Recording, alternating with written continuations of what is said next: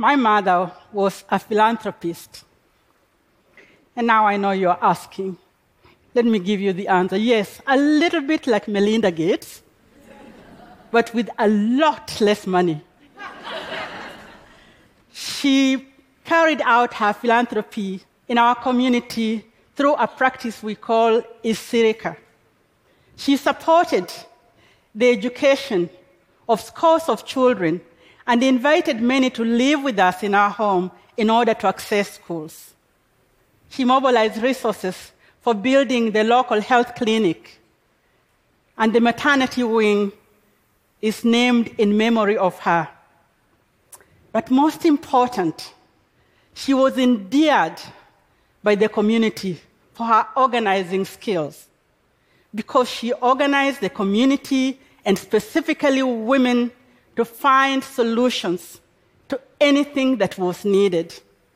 He did all this through Isirika. Let me repeat that word for you again. Isirika. Now it's your turn. Say it with me. Isirika. Thank you. That word is in my language, Kimaragoli, spoken in Western Kenya, and now you speak my language. so Isirika is a pragmatic way of life that embraces charity, services, and philanthropy all together. The essence of Isirika is to make it clear to everybody that you are your sister's keeper. And yes, you are your brother's keeper. Mutual responsibility for caring for one another. A literal, simple English translation would be equal generosity. But the deep philosophical meaning is caring together for one another. So, how does Isirika really happen? I grew up in a farming community in Western Kenya. I remember vividly the many times that neighbors would go to an, a neighbor home, a sick neighbor home, and harvest their crop for them.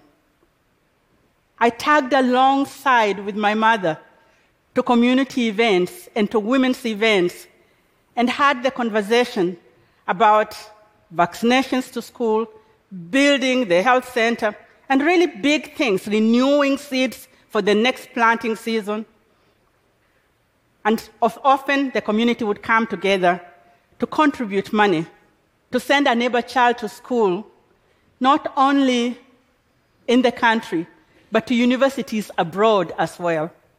And so we have a surgeon, the first surgeon in my country, came from that rural village. So, what Isirika did was to be inclusive we as children would stand alongside the adults and give our contributions of money, and our names were inscripted in the community book, just like every adult.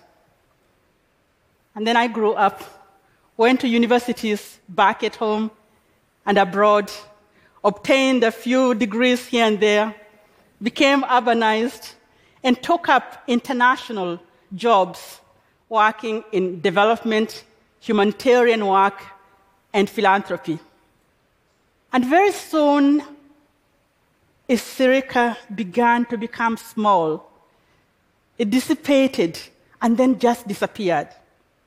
In its place, I gained new vocabulary the vocabulary of donors and recipients, the vocabulary of measuring impact, return on investment, projects and programs. Communities such as my childhood community became referred to as poor, vulnerable populations. Those are the communities of which literature speaks about as living on a dollar, less than a dollar a day. And they become the targets of poverty eradication programs. And by the way, they are the targets of our first United Nations Sustainable Development Goal. Now, I'm really interested that we find solutions to poverty and to the world's other many big problems because they do exist. I, however, think that we could do a better job. And we could do a better job by embracing Isirika. So let me tell you how. First, Isirika affirms common humanity. For whatever that you do, you begin from the premises that you are human together. When you begin that you are human together, you see each other differently. You don't see a refugee first, and you don't see a woman first, and you don't see a person with disability first. You see a human being first. That is the essence of seeing a person first. And when you do that, you value their ideas, you value their contribution, small or big, and you value what they bring to the table. That is the essence of Isirika. I just want to imagine what it would look like if everyone in this room, a medical doctor, a parent, a lawyer, a philanthropist, whatever you are, if you embraced Isirika and made it your default, what could we achieve for each other? What could we achieve for humanity? What could we achieve for peace issues? What could we achieve for medical science? Let me give you a couple of hints because I'm going to ask you to accompany me in this process of rebuilding and reclaiming Isirika with me. First, you have to have faith that we are one humanity, we have one planet, and we don't have two choices about that. So there's not going to be a wall that is high enough to separate humanity. So give up, give up the walls. Give them up. yes.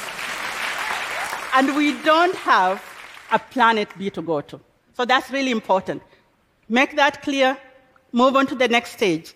The second stage, remember, in Isirika, every idea counts. Bridges have big posters and they have nails. Every idea counts, small or big, counts. And third, Isirika affirms that those who have more really enjoy the privilege of giving more. It is a privilege to give more. And this is the time for women to give more for women. It is the time to give more for women. Our parents, when they brought in other children to live with us, they didn't ask our permission. They made it clear that they had a responsibility because they had gone to school and they, were, they had an earning. And they made it clear that we should understand it that their prosperity was not our entitlement. And I think that's good wisdom from Isirika. We could use that wisdom today, I think, in every culture, in every place, passing to the next generation what we could do together. I have, over the years, encountered Isirika in many places. But what gives me really the passion today to embrace Isirika is the work that I do with women all over the world through the Global Fund for Women, through women's funds, and through women's movements globally. If you work with women, you change every day because you experience them living Isirika together in what they do. In the work that I do, we trust women leaders and their ideas. And we support them with funding so that they can expand, they can grow, and they can thrive within their own communities. A woman in 1990 came to the Global Fund with a big idea, a woman from Mexico by the name of Lucero Gonzalez. And she wanted to begin a fund that would support a movement that would be rooted in the communities in Mexico. And she received a grant of 7,500 US dollars. Today, 25 years later, Semillas, the name of the fund, has raised and spent within the community $17.8 million. they have, they have impacted over 2 million people, and they work with a group of 600,000 women in Mexico. During the recent earthquake, they were so well rooted that they could quickly assess within the community and with others what were the short term needs and what are the long term needs. And I tell you, long after the lights are gone off Mexico, Semillas will be there with the communities, with the women, for a very long time. And that's what I'm talking about. When we are able to support the ideas of communities that are rooted within their own setting. 30 years ago, there was very little funding that went directly to women's hands in their communities. Today, we celebrate 168 women's funds all over the world, 100 of which are in this country.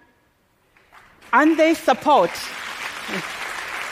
they support grassroots women's organizations, community organizations, under the leadership of girls and women. And together, we have been able collectively to give a billion dollars to women and girls led organizations.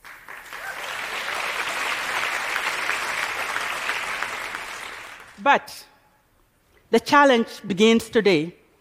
The challenge begins today because we see women everywhere organizing as Isirika, including women organizing as Isirika in TED. Because Isirika is the evergreen wisdom that lives in communities. You find it in indigenous communities, in rural communities.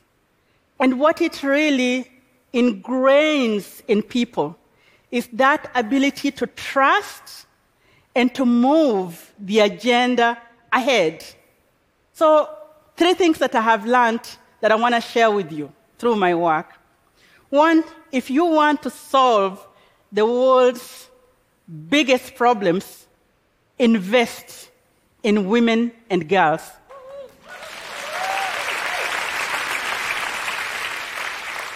Not only do they expand their investment, but they care for everyone in the community, not only their needs, but the needs of the children, the needs of the rest of the community, the needs of the elderly. And most important, they protect themselves, which is really important, and they protect their communities. Women who know how to protect themselves know what it means to make a difference.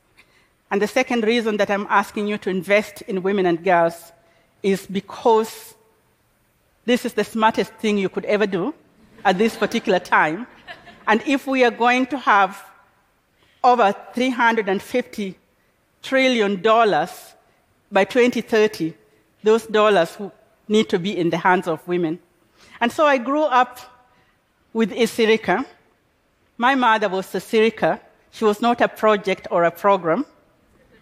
And now I pass that to you, that you would be able to share this with your families, with your friends, and with your community, and embrace Isirika as a way of living, as a pragmatic way of living.